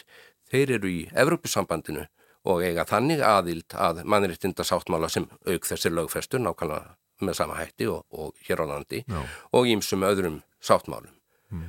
og um, með því að þeir eru með fulla aðild að Evrópusambandinu þá um, verða þeir að hlýta þeim reglum. Þetta er ekki algjörlega vandraða laust vegna þess að það verður að hlýta stjórnarskranni fyrst og fremst. Hún er aðist réttarheimilda en menn hafa tólkað mannriðinda ákvæðin sem lámarksreglur sem, sem uh, tryggja ákveðin lámarst réttindi en það megi ganga lengra.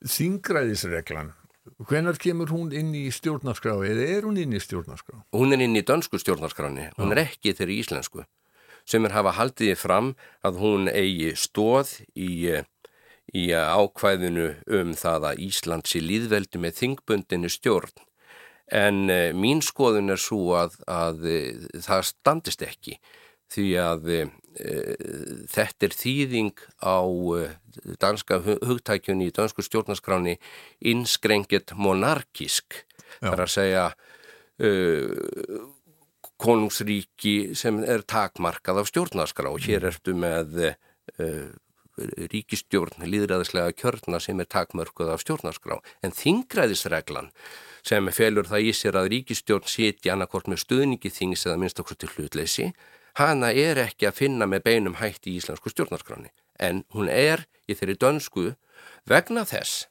að sögulegar ástæður réðu því. Danski konungun hafði reynt eftir að hafa viðkjent þingræðið að snúa tilbaka og skipa ríkistjórn með hliðhotlari ráðherrum í Slesvíkurmálinu sem hefur verið stöðugt þrætu epli í í, í Danmörku og hafði bein áhrif á, á sjálfstæðisbarátt í Íslandinga og, og afstöðu Dana til, til hennar mm -hmm. Erum við að tala um Kristján Tíunda? Já. Já Og hvaða árið þetta sem að Þetta er, kringum, er þetta eftir fyrir heimstyrjöldina? Já, já, Já. þetta er 1920 Já, þetta, já. Þessi ríkistjórn sem að eh, Kristján Tíundi reyndi að skipa, hver var tilgangur hjá honum? Já, þa- það er vegna þess að hann vildi ráð þeirra sem stuttan frekar í Slesvíkunmálinu sem eh, hefur og hafði verið lengi þrætu epli í Danmörku en, en Danir sættu sig ekki við það og rísu upp og aldrei hefur uh, Danmörk verið nær blóðugur uppreist heldur en þá. Svo að frá þessu var horfið mjög fljótt og uh, þingræðisreglan þótt hann hafi þarna verið uppnámi raunverulega staðfest. En af þessari ástæðu þá er ákveðið að það verði að kveða áum hana í stjórnarskrá. Þetta hefur ekki verið neinn spurning á Íslandi frá því að Hannes Hafstein var ráðherra í heimastjórninni í upphafi síðustu aldar. Og e, það er þess vegna mín skoðun að þingræðisreglan sé einungis og ég sé einungis á þess að gera henni en engöngu uh, venja Mm. sem ekki verður breytt öðruvísi heldur en með breytingu á stjórnarskrá. Þóri, ég veit að sko, þú náttúrulega væntalega gefið þér einhverja fórsendur og, og komist að einhverju nýðurstöðu. Ætlar að segja okkur í stuttum álu frá því? Já, þær eru ímsar en það er nú til dæmis það að, að við höfum fengið ímis liðréttindi í gegnum tíðina, kostningaldur hefur smám saman verið lækkaður, svo að e, nú eru um 70% þjóðirinnar sem geta kosið í þingkostningum. Líðræðislegt umboð hefur þá aukist, sama hefur átt sér stað í Danmörku. E, við afnámum deildaskiptingu þingsins, það er þá orðið skilvirkara og e, e, það var staða þingsins var styrt gagvart framkvæmdavaldinu með breytingu á reglum um þingróf, útgafu bráðabiralaga og svo var skilið með mjög áberandi hætti á milli framkvæmdavals og dómsvalds með nýri grein í stjórnaskráni.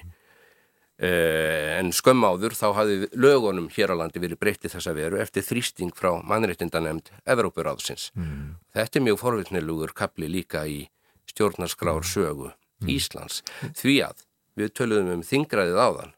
Eh, það er ekkert ákvæði um þennan aðskilnað framkvæmdavals og dómsvalds í dönsku stjórnarskráni.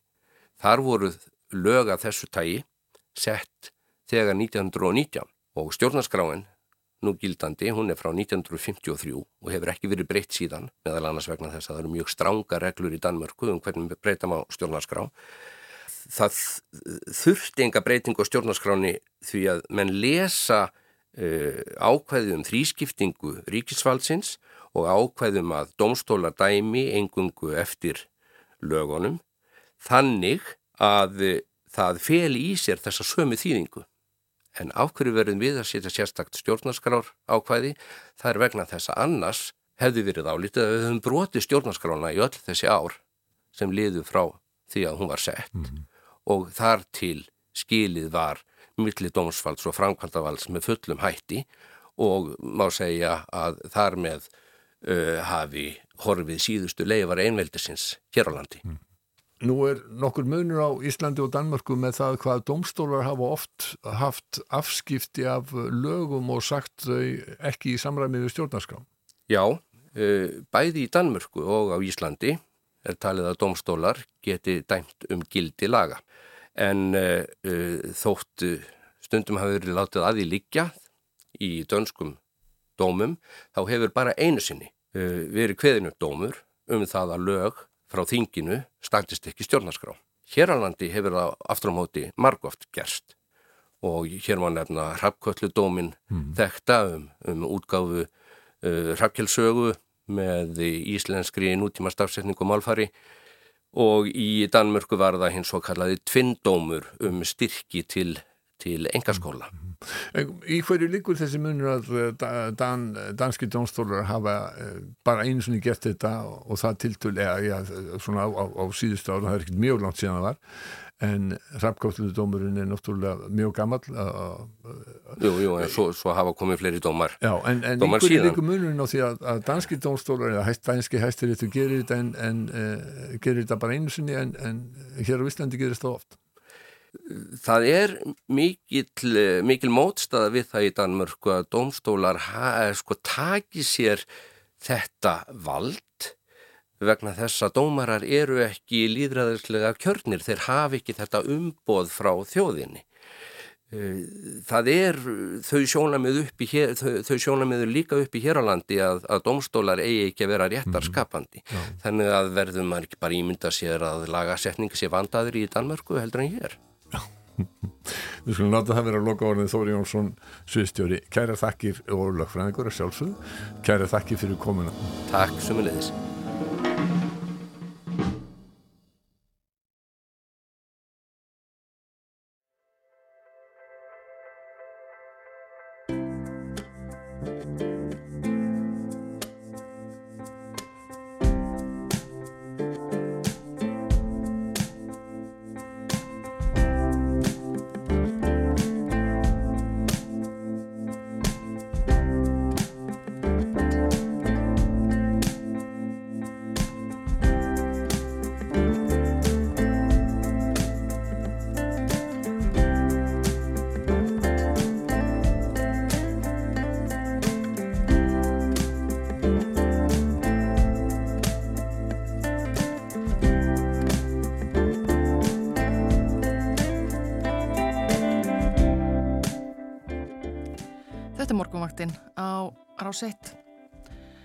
Mánudagsmotni 3. júli klukkan er orðin eh, hálf nýju, rúmlega hálf nýju. Hér eh, fyrir fyrir þetta eflitið heyrðum við eh, viðtal Bóga Ágússonar við Þór Jónsson um stjórnarskrá þróun í Danmörku og á Íslandi. Þór skrifaði mestraprófsirítgerði lögfræði á sviði stjórnskipunaréttar um samanburð á þessum tveimur stjórnarskrám Danmörkur og Íslands og þeir eh, bói fóru, fóru yfir það. Og eh, hér í upphafi þáttar klukkan upp úr hálf átta rættu við við Björn Malmqvist í Brussel, hann var í höfustöðum Allandsbandsbandalagsins að eh, búa sem undur að hlusta á fyrirlestur hjá hollenskum hersöfðingja en talaði við okkur meðal annars um nýjafstæðin leðtófund Evrópusambandsins það sem að tekist var á um innflytjanda mál. En nú ætlum við að huga allt öðru. Já, við ætlum að velta fyrir okkur landin okkar, eh, ferðarþjónustu. Um helgina þá opnaði nýtt, eh, ný aðstæða í Kerlingafjöllum. Þar er búið að eh, standa í töluverðri uppbyggingu og staðurinn að ganga í enduníun lífdaga. Til okkar á morgunvaktina eru komnir tver gestir sem að tengjast staðnum og uppbyggingunni. Það eru Íris Marlsdóttir, hún er leðsögumadur, sjúkraþjálfari og höfundur nýrar bókar um Kerlingafjöld og Magnús Orri Marinjarsson Skram, hann er framkontastjóri Kerlingafjalla, þessarar uppbyggingar. Velkomin bæðið tvö. Takk fyrir. Um, þetta hefur verið tölvert til umfyllunar þessi uppbygging um, nokkur ár og, og undirbúningsvinna þar ekki að baki. Þetta var allt opna núna á, á lögadaginn. Magnús Varri, hvernig fer þetta á stað? Er allt fullt í kellingafjöldum bara? Vistu, það má ég alveg segja það.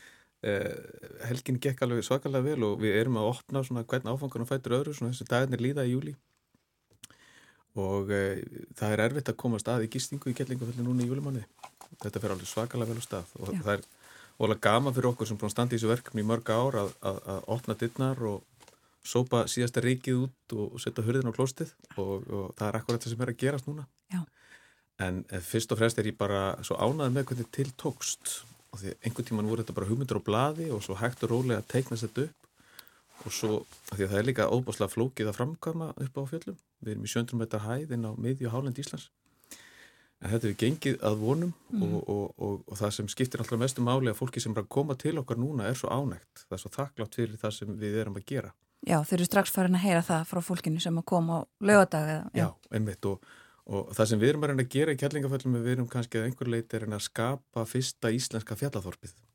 Þannig eru mörg hús af ólíkri gerð, ólíkri stærð en eh, við erum búin að snirta og gera fínt í kringum þau og tengja þau saman og þannig getur fólk gist í Sveppoka, þannig nýtt hjálpsvæði en það getur líka gert betur við sig og gist í fallegu góðu uppbúinu rúmi og, og, og haft það mjög gott.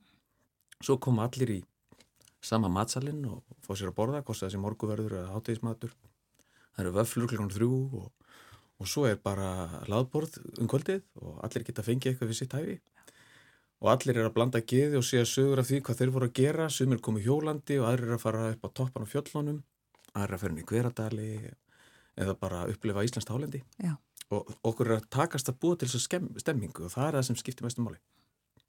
Og þetta er, uh, eins og þú sagir, þetta er flókið, uh, það er flókið að framkvæma uh, á þessum stað. Og svo er þetta líka, þetta er bara friðlist svæði, þetta er náttúruperla og það hefur líka vantanlega verið flókið mál að, að gera þetta þannig að þetta sé í sátt við svæðið. Jú, mikið rétt og við höfum vandað okkur sérstaklega vel í þessum efnum.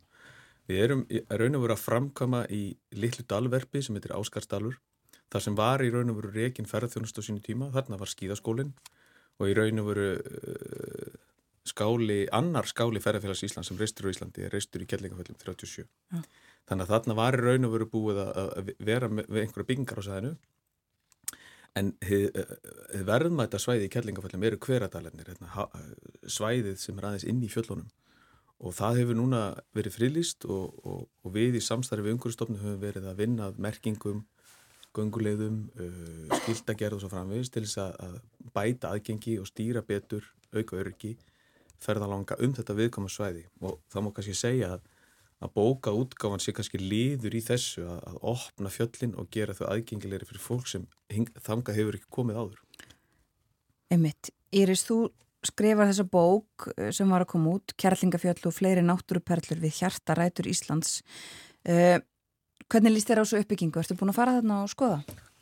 Ég, því miður hef ég ekki farið síðan í ágúst. Ég er búin að fá mikið að myndum og verið í góðu sambandi við Magnús. Ég er að fara í þar næstu viku. Kanski viljandi vildi ég ekki fara fyrr því ég ætla að fá svona smá andateppu. Já. Þegar ég kem yfir, maður kemur þetta upp á hæð og þá allt hennu blasa fjöllin við og áskarður sem er það sem svæðið er afmarkast ég ætla bara að fá smá andatöppu þegar ég kem og sé allt fínir í því að þetta var þannig að menn, þarna voru ofurhugar þeir sem byrjuðu með skíðaskólan og eftir ferðarfélag Íslands sem reist þetta af miklu kappi og mjög litlu fjármagni. Þannig að síðan gerist það eins og gerist nú svo oft upp á fjöllum að það fyrir að koma tími á viðhald og endurbætur og þá verður þetta svo erfitt. Mm. Þannig að það var komið tíma á viðhald og endurbætur og nú er það að hlutgerast á mjög faglegan hátt. Og það sem gleði mitt fjallahjarta er að mér finnst virðingu Íslands mikil, svona okkar náttúrum vil sómi síndur að hanna þetta vel, gera þetta vel og gera þetta í sátt við fjöllin. Þetta fellur að fjöllunum. Þetta er ekki hús sem eru flutt á staðin, þetta eru hús sem eru hönnuð fyrir áskarð. Mm og þess vegna er þetta fallegt Já. og fegurðin á fjöllum skiptir máli.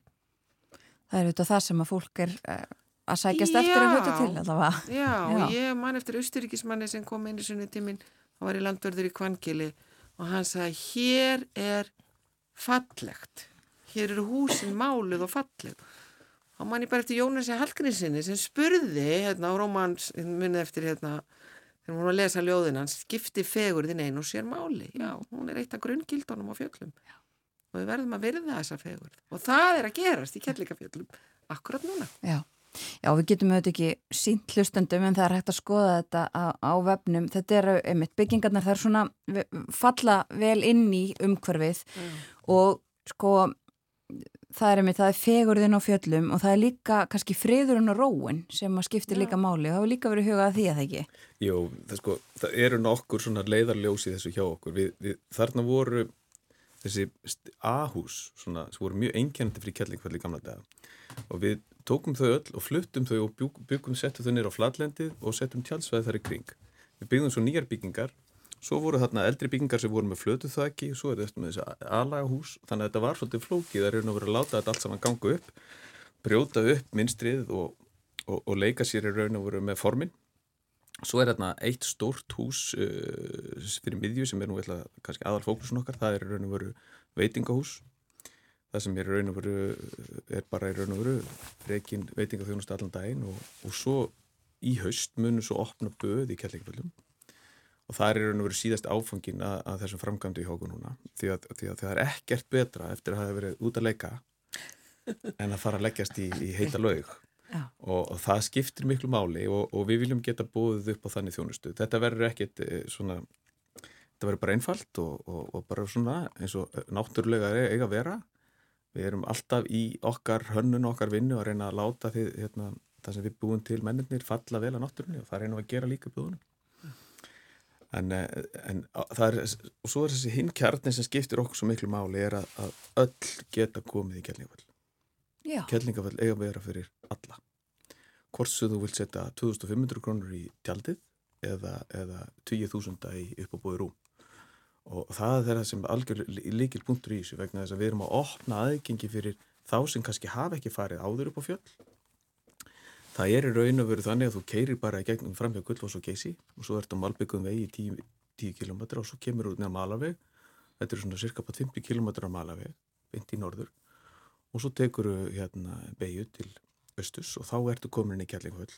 Þetta er í raun og veru bara svona malarvegur og núna í sumarið er hann í raun og veru aðgengilegur öllum og, og það er það sem er svo mikilvægt að fólk hafi í huga þeir sem áður hafa ekki komið í Kjellingaföll. Það er í raun og veru einfaldara en fólk gerir sig grein fyrir mm. og nú er þetta bara að koma upp yttir og kíkja á aðstöðnar og fá sér kaffepoll og vöflur eða hátteisverð og, mm. og renna svo bara í bæin aftur. Þetta er ekki meira ferðalega en það. Nei og það er að sem okkur finnst skipta máli er að í raun og vera að geta að, í raun og veru opna aðgengi fleiri, fleiri að Hálind Íslands þetta ekki á bara að vera á, á færi sumra. En sko, svo er það að því það eru alls konar sjónamið upp í þessu einmitt og, og sko, svona já, uppbygging er bara umdelt eh, að einhverju leiti al, sko, og þá er ég ekki að menna þessi heldur bara almennt.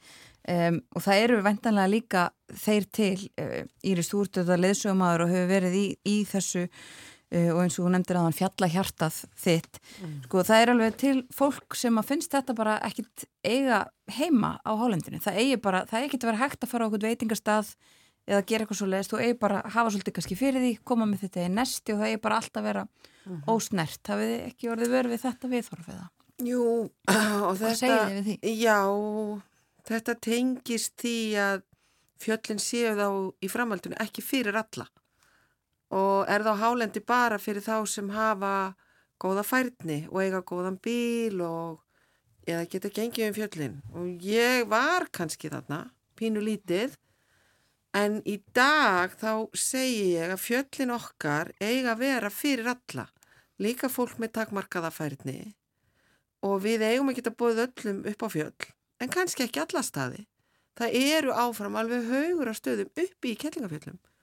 Þar sem þú getur lappa með því tjald og sangkvæmt friðlýsingaskilmálunum þá máttu tjalda hvar sem er nema onni botni hverjadala alveg við faðminn á kettlingu eða onni hverjabotni. Annars það máttu tjalda. Ef þú ert með fimm tjöld eða fleiri þá þartu leifi frá landverði. Það eru landverðir komnir upp yfir. Það var mikil sigur að friða fjöllin Nú eru konar göngulegðir og það var líka spurt, ykkur spurði mig Íris má hjóla í Kjellingafjöllum. Já, við erum búin að skrá hjólalegðir. Það má bara ekki hjóla allstæðar. Þetta kemur að því sama. Það, það, það má ekkit alltaf all, allstæðar. En ef við ætlum að vera ferða þjónustu þjóð, þá þurftu við þetta í Kjellingafjöll. Mm. Og þetta er þá ákveðna svona eins og grunnbúðir í Efrest. Þú ferði upp í grunnbúðir. Það komast rosalega margir í grunnbúðir, en ef þú ætlar að fara á topp Efrest, þá er það bara ekkit fyrir alla. Þannig að ég segi bara hér klárt og hvitt þegar allir sem að eiga, sem komast á annar borð með bíl, komast inn í bíl þegar eiga rétt á að komast upp í áskarð, geta ekið upp á efrasvæði. Og það er orðið jarisfært í Kjellingafjöld. Það er ekki einn lækur sem þú þarfst að dífa dekkjóni til þess að komast upp eftir. Og þetta er tveir og halvu tími, við köllum þetta í bíl. Og við sem elskum fjöllin, við segjum að þetta getur verið efni í langan lögata á fjöllum. Leggjast á bænum klukkan 6 á mótni, vera komin upp í klukkan 9, lappa til fjögur, fara í bað, gott að borða og kera heim og vera komin heim fyrir miðnætti. Þetta er alveg sko rakið. Ef þú til dæmis ef þú átt ekki pening til að gista, átt ekki tjald, þá gerur þetta svona. Og það er þetta sem það skiptir líka svo miklu máli að, að, að framkvæmdar eru á röskuðusvæði en þú passar upp á perlunar og þú, og þú er raun og veru opnar þá möguleikar fyrir fleiri að geta farið bara með tjaldi og brímusinn Mm. og þú getur labbað hvert sem er þú ert komin upp yfir Já. og, og hérna þannig að, að með því að passa upp á að, að, að aðgengið sé gott og þá áttu að geta mætt óskum fleiri. Staðrendin líka svo er að sífælt fleiri eru ekki jafn spenntir og áður fyrir því að sofa á, á langbetta allir í sveppukanum í röð svo, svo velti sér eitt, þá þurfa allir að velta sér. Það Fólk er- gengur yfir, svo eftir færtugt, eftir, svo, þetta er ekki, já, þetta er mjög spennandi ákveðin tíma. Er við getum orðað þannig, einmitt. Þannig að, þannig að það, það er bara að breytast líka. Það Já, er bara að verra við og, og það er líka það að, að fólk sem að vill fara í upp á búrúm, það vill líka komast upp á fjöll. Það vill blanda og þá heitir þetta svona dekur og bras, er það Já, ekki? já, Nei, hvað heitir þetta? Harðræði og dekur. Já, Já, harðræði og dekur. Hvað- Var það ekki það sem Jú. Brynhildur sagði? Jú, það sé einmitt að vera, hafa mikið fyrir deginum vera út um allt og Já. vesinast Brynhildur og Róbert, já. geta svo kannski fengið sér líka gott að bara sofa í góðu rúmi Já. en góð blanda Já, þetta er ótrúlega góð og leiðin sem við erum búin að lýsa er, þetta er lýst í samvinni við umhverfistofnun Já. umhverfistofnun er komið sterk inn í þetta og við lýsum þarna leiðum upp á 12 helstu fjöllin. Við lýsum líka hjólaleiðum og við lýsum skíðaleiðum. Og svo gerðum við svona lengri leiðir fyrir fólk sem vil kannski fara í fjáradaferð og koma svo í fjöllin eða byrja í fjöllunum. Mhm. þannig að út frá kjellingafjöllum annað, þannig að það er þarna getur skíðafólk fundið leið, hjólafólk, gangandi. Annað sem að ég gerði sem að mér fannst svo nöðsilegt, það var að gera sögunni skil. Já, ég ætlaði einmitt að nefna það, því það er, uh, uh, það er, þetta er eiginlega svona bara heldar einhvern veginn bók um, um Já, kjærleikafjöld. Það er sagan og alls konar fróðuleikur. Já, þannig að ef þú fyrir kjellingafjöld og, og þá finna allir eitthvað við stæði, verður með fjölskylduna, þá fyrir upp á skæljafjöld og segir sögur af fjallaeyfindi og draugum og álfum og tröllum og reynist að það bræðurum og því hörmulega slísi. Svo ferðu upp á Áskarsfjall og þá tekur þú blómabókina því það er eina fjallið með blóm.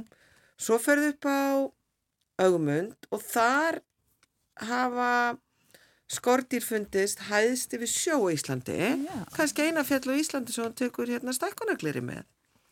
Svo ferðu niður í hverabotn eða hveradali og í hverabotni er hefur mælst hæst hitastig í hver á Íslandi þannig að kannski fer maður með hitamæli í hverabotn. Búst, þetta er svolítið öruvísi. Síðan státa fjöllin af því að eiga fimm hæðstu tinda Íslands. Þannig að ef þú ert að sapna 100 hæðstu sem að ferðarfélag Íslands á hugmyndina að þú getur skráð og sapna hjá þér hafa gengið á 100 hæðstu og þá færðu uh, einhverja viðurkenningu á 100 ára ammali ferðarfélagsins og fimm topparnir eru og þú getur tekið á allaveginu degi sem eru Fannborg, Hveranhjúkar Snót, Snækollur og Lóðmundur og þeir eru allir hann frá líka. Já. þannig að það finna allir eitthvað við sitt hæfi þarna frá og svo hjólin er að koma sterkinn og það er eitt fjallarnu frá sem á hjól upp á og það er Áskarsfjall og við nefndum vegin upp á Áskarsfjall fjarskiptaveg vegna þess að neyðalínan á senda uppi á Áskarsfjalli og þeir nefndu vegin Áskarsveg og skrifuðu smá texta í bókina fyrir okkur um, um hérna þennan veg og, og senda hana uppi. það er einmitt, það kennur ímis að grasa í þessari bók. uh, Já, og svo náttúrulega merkilega saga skíðaskólans sem var náttúrulega starræktur þarna í 40 ár. Já, já, og við erum að einhver leita byggja á grunni þeirra eins og Íri segir ofur huga sem, sem, sem sem byrjuðu. kendu Íslendingum og skýði við sumartíman upp í Gellingföllum já, og, og svona fólk svona um miðan aldru upp úr þetta var vinsalista fermingagjöfin hérna á, á 8. og 9. áratögnum að allir í Kellingafjöll að læra að skýði í viku tíma já, Við segjum frá því Já. og það er gaman að, þú veist, má nefni eins og Valdimar Örnúls hanna í rauninni á innleggi í þessari bók því að ég settist niður með honum og við spilluði lengi. Já, og eins bændur, ég settist niður með fjallkonginum á hrunamannafrétti og oddvita hrunamanna og við rættum um nýtjar bænda og fengum sögur. Svona þeir segja mér sögur af fjöllunum. Mhm. þannig að það er svona ímislegt sem kemur þarna fram og, og vegagerðin til fjallana þú veist, af hverju var búið að reysa veg og gera brú á kvítá löngu áður en að ringvegurinn var brúaður. Mhm. það brúaði við kvítá upp á Kili 1935 ringvegurinn var kláraði 74 það voru ofurhugar hann á ferð sem einhvern veginn náðu að gera fjöllunum skil. En þetta er samt mjög svona stutt saga um fjöllin því að við menn fóru ekki að fara í fjöllin fyrir 1939 held ég eitthvað svo leiðis Já, til dæmis þetta með örnefnin. já, já, Það er stór merkilegt. það er stór merkilegt já, ég var að tala um það. Að ferðarfélag Íslands fyrir fjöllin til að safna efni alltaf gefa út bók 1942 ferðarfélags Íslands. Og þeir í rauninni skila inn 109 nöfnum til örnefnanemdar og nöfnin í kjallingafjöllum eru ný. Fannborg eitt, það er eitt dæmið. Þeir nefndu 100 jökla nöfnum, Forsælu jökull Mænis fönn Loðmyndar jökull, Eistri og Vestri. Veist í dag þætti þetta nú eiginlega kannski bara svolítið langt, langt yfir strikið Já, En ekki nóg með það að, þetta var allt samþygt og eitt fjallið, eða tvö skemmtileg nöfn, Snorra hver heitir eftir fylgdamennu Þorvalda Tórótsen sem fór í fjöllin 1880 að skoða, 1888 ef ég mann rétt, skulum ekki fest okkur í ártölvi, ég maður ekki, og augumbundir heitir eftir einu fylgdamannunum hans líka, Mhm. þú veist það er svolítið gaman að geta bara að fara í fjöllin, að þetta er Magnúsatindur eða Írisatoppur eða, já, þetta má heita eftir hverju sem er bara. Þannig að, Akkurat. en núna verður að segja frá því að hrunamenn eru svo stoltir af fjöllunum og þeir voru semst að hanna nýtt hverfi og göturnar á flúðum munu heita eftir fjöllunum í kellingafjöllum. já, einmitt það. Að það finnst mér skemmtilegt. Já, Þannig að sko um leið og við segjum að sko uppa fjallamennsku Íslandi átt sér stað í Kjellingavallum með Guðmyndi Middal Já, á fjórða áratögnum þar sem hann fer og heldur í raun og fjallamennsku skóla fyrir unga drengi þarna frá. E, en, og, og þannig að sko, svo bara skömmu síðar er verið að nefna all fjöllin af því að það er ekki til örnefni. Þetta er svo, þetta er svo fáfærin staður, hugsið hvað þetta er merkilegt og hérna að þess, þess, þess, þess, hann áverður að vera svo djúpa rætur þessi, þessi, þessi staður í hugum svo margar þess vegna er þetta svo skemmtilegt verkefni já, og, já, og, og, og, og þess vegna er líka að vera að nálgast þetta að ég vil segja af miklu metnaði. Það er verið að leggja mikla fjármunni á bakvið þetta vegna þess að fólk vil gera þetta vel. Já, ég ætlaði einmitt að spyrja því, við verðum að koma að því, sko, uh, þetta er mikil fjárfesting og fyrir hlustundir sem að ekki þekkja kannski sögun á bakvið þetta, hverjir það eru sem að, sem að standa þarna baki og koma til með að reyka þetta? Já, það má vel segja að það sé sagt, bláa lónið sem stendur á bakvið þetta verkefni og uh, það eru hönnuðir sem hafa unni lengi með lóninu sem, uh, sem hanna öll nýju húsakinnin og svo er í raun og veru starfsfólk bláa lónsins, í raun og veru þá söludeildin, markasteildin, fjármáladeildin, tölvudeildin sem heldur utan rekstunum í Kjellingvall Mm.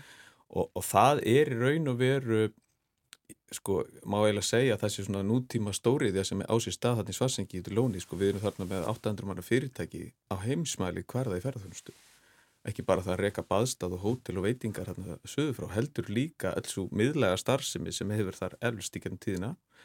Þetta er fólk á heimsmæli hverða í það hvernig eigi að gera hlutina. Og núna erum við raun og verið að taka fyrsta skrifið í að útvika þessa getu, þessa Mm. þekkingu, þessa reynslu sem byggstu upp í 30 ár og nú erum við að fara með henn upp í, upp í, full, upp í, upp í Kellingafjöll og svo eru aðrir áfokastæðir á leiðinni inn í þetta, þetta þessa perlufesti.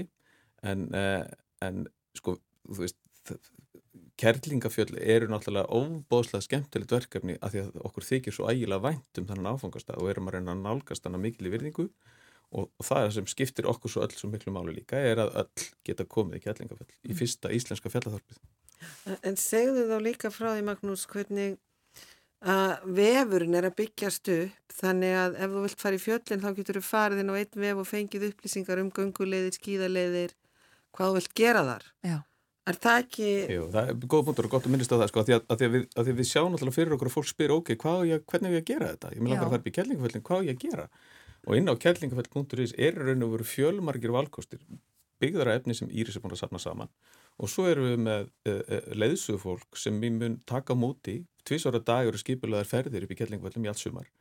Sumarferðir fyrir börnin við förum á ferðumstum hérna, leitina heil, að Kalegnum sem var nú þekktir hlaðvarpstættir á húf og það voru þarna e, Európabúar í miðaldrakrísu miðaldurskrísu sem fór að leita ennum heila Kaleg hann upp frá. Já, sem er stórmerkileg saga og við munum fræðast um það. Þannig að við erum í raun og veru að líka að opna möguleika á afþreyingu upp í kærleikafæri Það verður að framkvæma, það verður að gera í rauninni.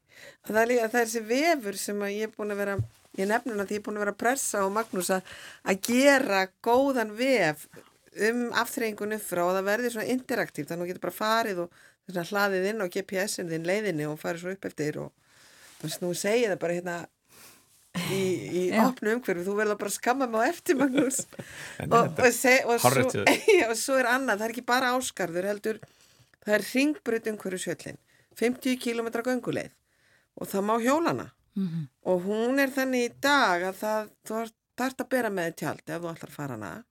En í framtíðin er markmiðið að það verða þetta litlir svona svona fjallasel á leiðinni þannig að við getur fengið smá þjónustu. Einmitt. Það er svona framtíðin líka. Takk fyrir að koma til okkar á morgunváttina og segja okkur frá þessari uppbyggingu og, og bókinni og öllu sem að ásist staði kettlingafjöllum þessa dagana Íris Marelsdóttir og Magnús Orri Marinarsson Skram. Takk fyrir sem leis. Takk. Þetta var síðasta viðtalið á morgunváttinni þannan morgunin.